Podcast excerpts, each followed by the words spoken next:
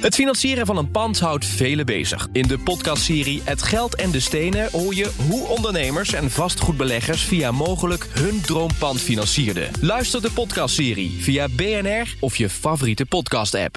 Vastgoed gezocht wordt gesponsord door mogelijk vastgoedfinancieringen. BNR Nieuwsradio.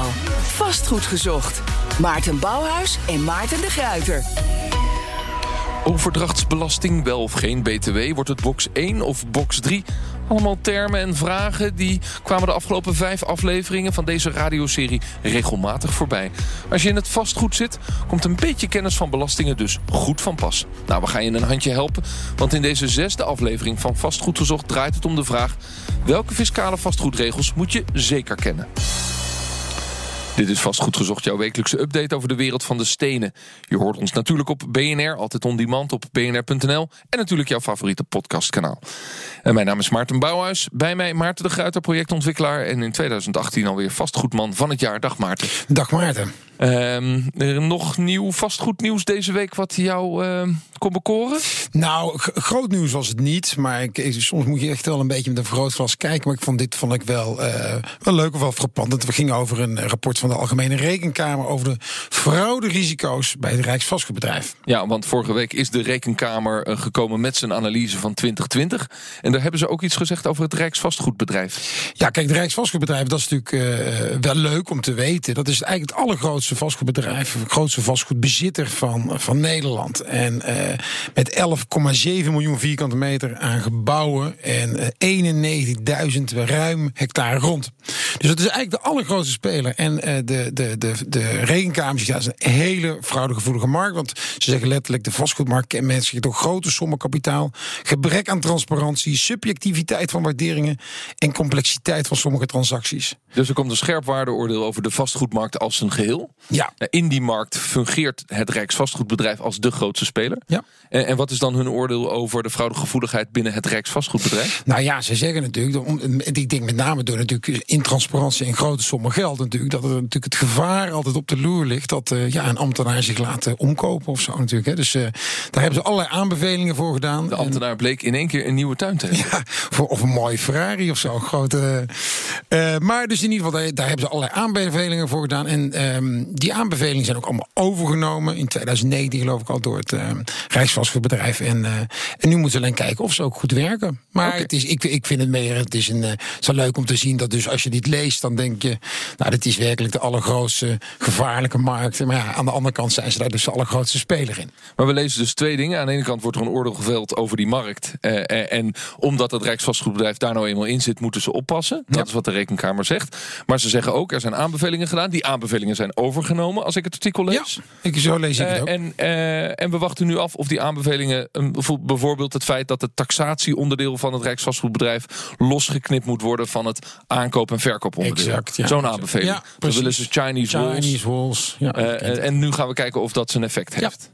Okay. Dus misschien uh, een nieuwtje van over een jaar dat we kunnen zeggen dat het niet gewerkt heeft. En dat er inderdaad een paar met een groot vrij rondrijden. Ja, maar dat zijn suggesties van ons. Er zijn, geen er zijn nee. op dit moment geen aanwijzingen nee, voor dit niet. soort fraudegevallen binnen het Rijksvastgoed. Ik denk ook niet dat het gebeurt. In alle eerlijkheid. Nee, is het, zo, is het toch nou ja, het is zeer transparant. Alles wat ze verkopen gaat via uh, openbare tenders. Ik, ik, denk dat dat zo'n uh, stap heeft gemaakt die, uh, die transparantie ook bent. Vastgoed gezocht. Vastgoed staat bekend als een relatief veilige haven. Toch zijn er heel wat fiscale regeltjes waar je niet omheen kunt. Bijvoorbeeld als je een woning aanbiedt via Airbnb. Oké, okay, ik geef toe. Nu wordt het een klein beetje een grijs gebied. En daar wees mijn accountant me van de week nog op. Daarover straks meer. We gaan in deze aflevering proberen om de fiscale schil rondom de handel en wandel in vastgoed af te pellen. Zodat je het allemaal wat duidelijker wordt. Daarvoor hebben we iemand uitgenodigd die hier zijn vak van heeft gemaakt. René Maat. Hij is vastgoedfiscalist en partner bij Rechtsstaten. Van harte welkom René. Um, onderschatten wij mensen de, onderschatten de mensen de fiscaliteiten bij het aankopen van vastgoed?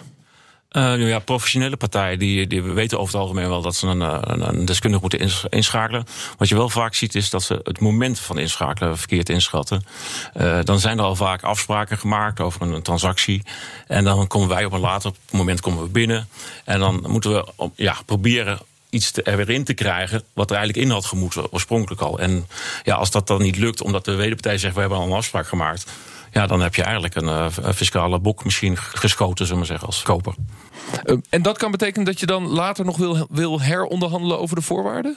Uh, ja, vaak probeer je dat natuurlijk. Hè, van, en, maar ja, als een wederpartij er, er strak in zit, dan zegt hij van joh, dat hebben we niet afgesproken. Of ze zeggen van ja, als jij dat wil, dan wil ik een korting of iets dergelijks.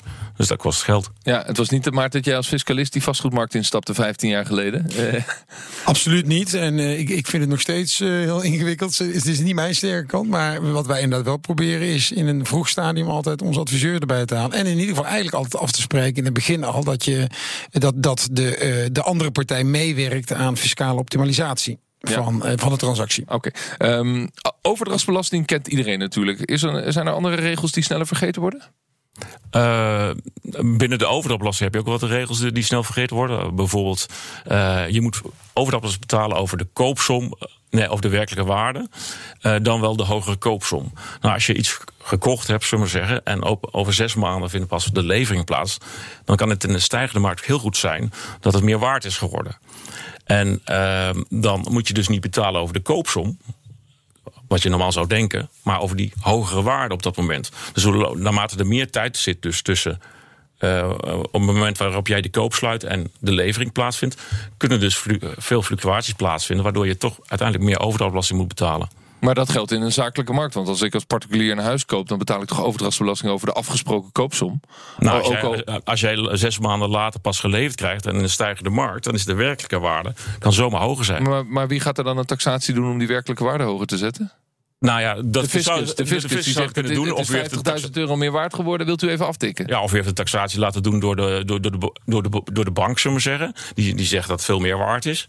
Nou, dan uh, als de fiscus er scherp op zou zijn. Dus je moet overdrachtsbelasting betalen over de werkelijke waarde op het moment van overdracht? Dat klopt. Maar dat gebeurt toch in de praktijk nooit? Uh, nou, ik heb al twee keer in mijn leven een huis gekocht, maar ik kan niets van herinneren. Ja, kleine vissen die worden waarschijnlijk niet... Uh, nee, zet daarop... u mij maar weg als kleine vis. Nee, nee, nee, nee ik ben maar een kleine particulier, dat klopt. maar, maar er zijn zelfs hele procedures over gevoerd. Uh, oh? Maar dan gaat het om grote, grote portefeuilles dan.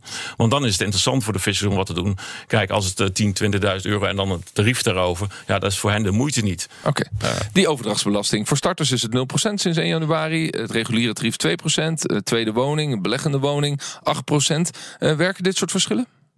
Uh, nou ja, het verhaal is bedacht om starters te helpen, zullen we zeggen. En dan uh, beleggers tegen te houden. Maar in de praktijk zie je dat die starters uh, het voordeel wat ze hebben gebruiken om meer te gaan bieden. Wat uiteindelijk ertoe leidt dat er een hogere prijs wordt ontstaat. Waardoor het nog, steeds, nog moeilijker wordt om een woning te krijgen. Want het probleem zit er niet in de fiscaliteit, maar gewoon in het aanbod. Precies zoals het FD recent schreef. Het heeft toch weer een prijsopdrijvend effect. Dat klopt. Tot nu toe is dat ook gebleken. Maar wat, wat vind je daar als fiscalist van? Want we hebben heel veel fiscale maatregelen toegevoegd om allerlei uh, mensen en groepen in de woningmarkt te helpen. En het lijkt erop dat het enige effect wat er voortdurend plaatsvindt is prijsopdrijving. Dat klopt. En ik vind ook dat, je fiscaliteit die moet inzetten voor uh, andere doelen, zullen we zeggen. Andere doelen dan? Ja, fiscaliteit is bedoeld om geld binnen te halen, zullen we zeggen. En je moet niet proberen allerlei economische andere doelen te bereiken middels fiscaliteit. Ze hebben hier een ander doel, namelijk proberen starters te helpen. Maar dat is niet zozeer iets fiscaals.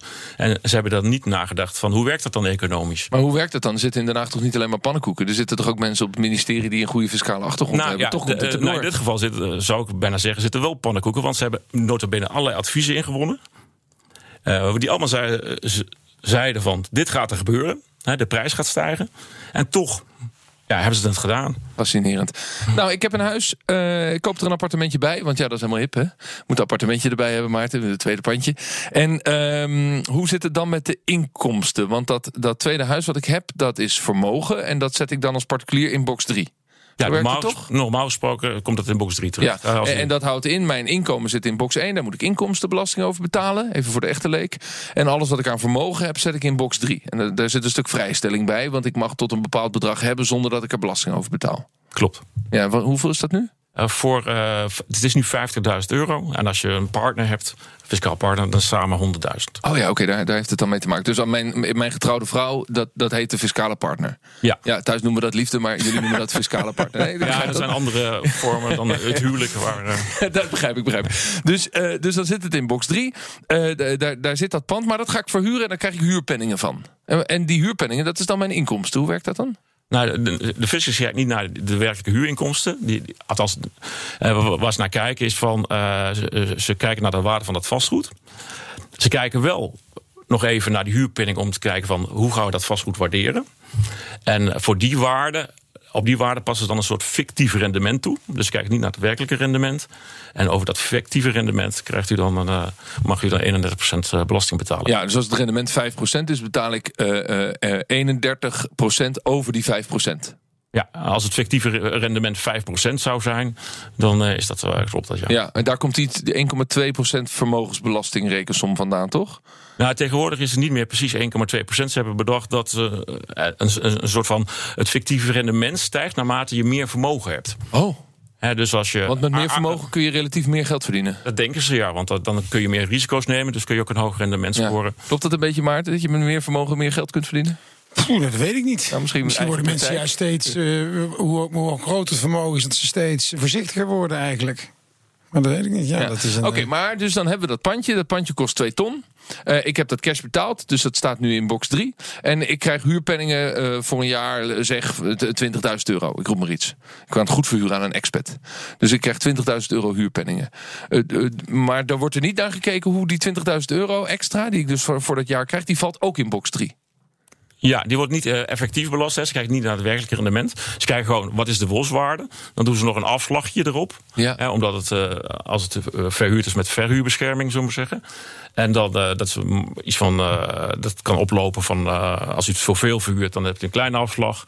En als u het voor weinig verhuurt, ten opzichte van de wolswaarde, dan heeft u een grotere afslag. En daarover wordt dan vervolgens dat, dat fictieve rendement Ja. Toegepast. Ja, maar wat ik ervan begrijp, is dat het dus niet zo is dat die, die 20.000 euro die ik dan verdien met het verhuren van mijn pandje, dat die in box 1 valt. Dat- ik het beschouw, omdat ik actieve belegger ben, en dit is mijn manier van geld verdienen, ik heb cursus gevolgd, dus ik ga het doen, dat dat inkomen is. Voor de fiscus is dat geen inkomen. Eh, Nee, als u voor de rest alleen maar verhuurt, zullen we zeggen, en daar niets extra's bij doet, zullen we zeggen. Eh, want eh, bijvoorbeeld zelf de boel- de boel schoonmaken, we zelf de onderhoud gaan plegen. Dan, dan zit Waarom u- mag dat niet dan? Nou, want dan gaat u meer dan wat we dan noemen normaal vermogensbeheer doen.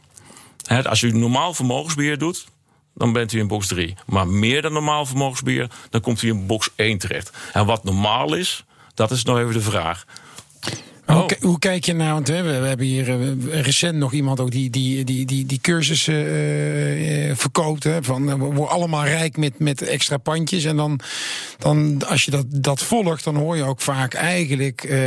ja, nou een beetje schilderen mag wel. En eh, nou ja, daar komen ze niet zo snel achter. Maar hoe, hoe kijk jij daar tegenaan? Nou, ik denk dat, dat normaal onderhoud plegen is, denk ik, normaal vermogensbeheer. Ook al zou je zelf. Ook als je zelf gaat schilderen. Ik denk dat dat ook nog onder valt. Want we hebben nu ook een eh, procedures lopen, zullen we maar zeggen, over eh, de bedrijfsvervolgingsregeling. En daar zie je grote bedrijven die een vastgoed doen. En die hebben allemaal, allemaal, mensen in dienst en allemaal hoog opgeleid, MRE, et cetera. Die doen alles ook intern. En toch zegt een hof van ja, dat hoort bij normaal vermogensbeheer. Oh ja? Ja, want daar is eigenlijk de, de doelstelling tegengesteld. Dan willen die bedrijven aannemelijk maken dat ze meer doen dan normaal vermogensbeheer. Want dan krijgen ze allemaal leuke faciliteiten als de aandelen worden weggeschonken aan de kinderen, Ja, de boor. Ja. de borg. Ja. Eh, en terwijl je in de box 3, box 1 juist weer een omgekeerde discussie hebt. Maar, maar dit is dus toch fascinerend. Want Ja. op het moment dat ik dus mijn tweede pandje koop... en sterker nog, ik kan het ook financieren met een hypotheek... eh, en we zien dat als beleggen... dan mag ik er eigenlijk niet echt iets aan doen. Het moet passief beleggen zijn. Eh, daarnaast heb ik bijvoorbeeld een andere baan en dat is mijn inkomen. Maar als ik dat dan gezien als mijn werk... omdat ik drie, vier pandjes heb... eh, dan vallen al die inkomsten van die huurpenningen in box 3. Dan betaal ik er geen inkomstenbelasting over, als ik het goed begrijp. Ja. Maar dan zegt de fiscus, nou ja, je moet normaal... Hoe noemde u dit nou? Vermogensbeheer. Normaal vermogensbeheer. Maar dan valt schilderen misschien wel, het onderhouden van de panden... onder normaal Ja, vermogensbeheer. d- er is nu discussie en er komt een hoge raaduitspraak van wat is normaal.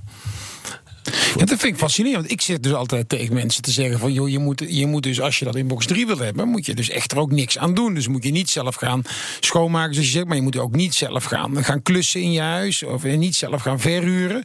Maar daarvan zeg jij dus van, dat, dat, dat valt te bezien. Ja, dat valt te bezien. Want die Hoge Raad, die, die, die lijkt, althans het Ho- Hof Amsterdam was dat, die lijkt te zeggen van je mag best wel nog wel, wel veel doen. Voor, voor, voor, Maar dan, dan zou het toch in box 1 moeten vallen. Dat is toch eigenlijk raar? Want dan ga je toch een kant op die toch eigenlijk niet meer Nou, daarmee, ja. daarmee, daarmee faciliteer je toch mensen die het zich kunnen veroorloven om eh, zo'n pand te kopen. Ja, en dan kun je die, dan die kunnen kun je ook zo nog eens makkelijk rijk krijgen ook nog belastingvrij dus de inkomsten. Rijk worden 10.000 euro per maand. Woehoe! Ja, ja, dat kan. Maar, maar als, je, als het gewoon eh, een normaal onderhoudspleeg is... en je doet het dan toevallig zelf... of je neemt eh, zelf gaat een huurder zoeken... kijk, dat past nog binnen dat verhuurderskader. Maar als ik bijvoorbeeld ga zeggen van... ik ga vier kamers erbij maken... Waardoor ik meer huuropbrengsten kan genereren. Dat gebeurt in de praktijk, hè? Dat, dat gebeurt in Parijs. Dan ga je wel een grens over. Ja, maar je Eh, kunt en- maar de Hoge Raad gaat nu bepalen wat normaal is voor vastgoed. Dus dat is wel interessant om op te volgen Ja. dan. En wanneer gaat de Hoge Raad daar een uitspraak over doen? Eh, de Hof is net geweest, dus het ligt nu voor. Ja, hoe snel een Hoge Raad is, dat is ja, altijd... dat kan jaren duren. Maar is niet het gevaar dat als de Hoge Raad dit gaat, hè, stel dat de Hoge Raad dit gaat goedkeuren, dat vervolgens eigenlijk de overheid en de politiek gaat zeggen: ja, maar nu gaat het toch echt te ver. Dus eigenlijk dat je jezelf in de voet gaat schieten door dit allemaal te gaan eh, eh, mogelijk maken, hè, of te- eh, gaan eisen dat dit moet kunnen. Want ik zou denken dat er een heleboel politieke partijen dadelijk gaan zeggen: ja, maar dit, dit, dit kan natuurlijk niet meer. Dus er is een groep mensen die kunnen zich veroorloven om te investeren en betalen daar geen belasting over en mogen gewoon het doen, eigenlijk mee omgaan zoals ze met hun eigen werk omgaan. Want dit wordt natuurlijk gewoon, Ja. want Maarten koopt eigenlijk één, nog een pandje, drie pandjes en die denkt, nou ja, ik, dat, dat bij dat BNR presenteren. Dat is leuk om er een beetje bij te doen. Beter maar... pandjes doen. Ja, dat is wel duidelijk. Eh, jongens, we praten er zo even over door, want de cijfers vliegen ons om de oren. Eh, straks ook nog even naar eh, de BTW voor ondernemers kijken. Maar eerst maken we even een zijsprongetje. Collega John van Schagen huurt een appartement via Airbnb... en zocht uit hoe het zit met de inkomsten die hij dan hiermee vergaart. Wel of niet belastbaar. Oké, ik werk dus al een jaar of tien voor mezelf, bouw geen pensioen op... en dus dacht ik een jaar of anderhalf geleden... laat ik eens gaan kijken of we een appartementje kunnen kopen. Al dus geschieden. Wat geld ingestopt en de eigen hypotheek verhoogd. En ik verhuur dat dus via Airbnb. Nou, daarvan zegt de Belastingdienst... u bent voor ons als een belegger in vakantiewoningen. De verhuurinkomsten komen in box 3, onbelastbaar dus. Maar dat betekent wel dat ik geen kosten kan aftrekken. En het deel wat ik uit eigen zak betaald heb, dat komt bij het vermogen. Waarover je dus mogelijk vermogensbelasting kunt gaan betalen. Alleen, en nu komt het, voorwaarde is wel dat ik de reserveringen, het onderhoud van de website, het schoonmaken, het klussen uitbesteed aan een derde partij. Oké, ik geef toe, nu wordt het een klein beetje een grijs gebied. En daar wees mijn accountant me van de week nog op. Een ander scenario, als je nou je eigen woning via Airbnb verhuurt. Nou, dan is de zogenaamde regeling van tijdelijke verhuur van toepassing. Kortweg gezegd, 70% van de huurinkomsten is dan belast. Box 1 dus, inkomstenbelasting. Die overige 30% kun je wegstrepen, omdat je volgens de fiscus ook kosten maakt. Denk aan onderhoud en afschrijvingen. Nou, dat deel van de vergoeding is dan niet belast. Even een rekenvoorbeeld. Je verhuurt je woning voor, laten we zeggen, twee weken en verdient hiermee 1700 euro. Voor voor en na regel je een schoonmaker, à 100 euro. En je bent nog zo'n 30 euro kwijt aan gas, water en licht. Maakt samen aan kosten 130 euro. Nou, die 1700 min 130 is 1570 euro. En daarvan moet je dus 70% opgeven bij de fiscus. Is 1099 euro. En dat bedrag tel je dus op bij de inkomsten die je haalt uit je eigen woning. Dat was John van Schagen over de regels rondom Airbnb. In de studio praten we verder met René Maat. Hij is vastgoedfiscalist. Uh, ja, uh, René, we hebben het precies over die box 1, box 3 discussie voor die particulier. Je zegt de Hoge Raad gaat een uitspraak doen. En Maarten zet hem hier, voordat we John hoorden, ook op scherp. Door te zeggen van ja, luister, dat is toch wel een beetje een rare praktijk. Want het is mensen hun werk. Dus eigenlijk moeten ze er misschien toch over een deel inkomstenbelasting over gaan betalen. Denk jij dat we die kant op gaan, politiek gezien, dat we dit gaan veranderen in Nederland? Ik denk het niet, want uh, per saldo gaat die Hoge Raad uitspraak juist om het. Uh, de Belastingdienst stelt in, die casus juist van uh, dat het normaal is. Want zij hebben een tegengesteld belang. Zij willen nou juist dat het normaal is. Omdat het ziet op de bedrijfsvervolgingsregeling. En daar probeert de belanghebbende aan te tonen van... ik doe het allemaal zelf, et cetera. Dus meer dan normaal vermogensbeheer. Nee, zegt de Belastingdienst, dat is dat bij een uh, beleggingspand... is dat vrij normaal dat u dat allemaal doet. Dus, dus de juiste belastingdienst vindt ja, dat het normaal is dat je aan vermogensbeheer doet. En vermogensbeheer bij vastgoed betekent dat je ook het vastgoed onderhoudt. Want ja. anders uh, daalt het vermogen. Daar zit wat in, hè, Maarten. Je moet, je moet panden onderhouden. Dat, alleen jouw punt is, ik heb altijd geleerd, je mag niet zelf schilderen. Je moet eigenlijk een beheermaatschappij erin zetten. Ook voor actieve verhuur. Want anders is het, Ja. is het activiteit, hè? Moet je de inkomstenbelasting Nou ja, ik, ik, ik ben natuurlijk vast professional, maar dus als de, de paar dingen die ik in box 3 heb, daar zijn wij ontzettend streng op.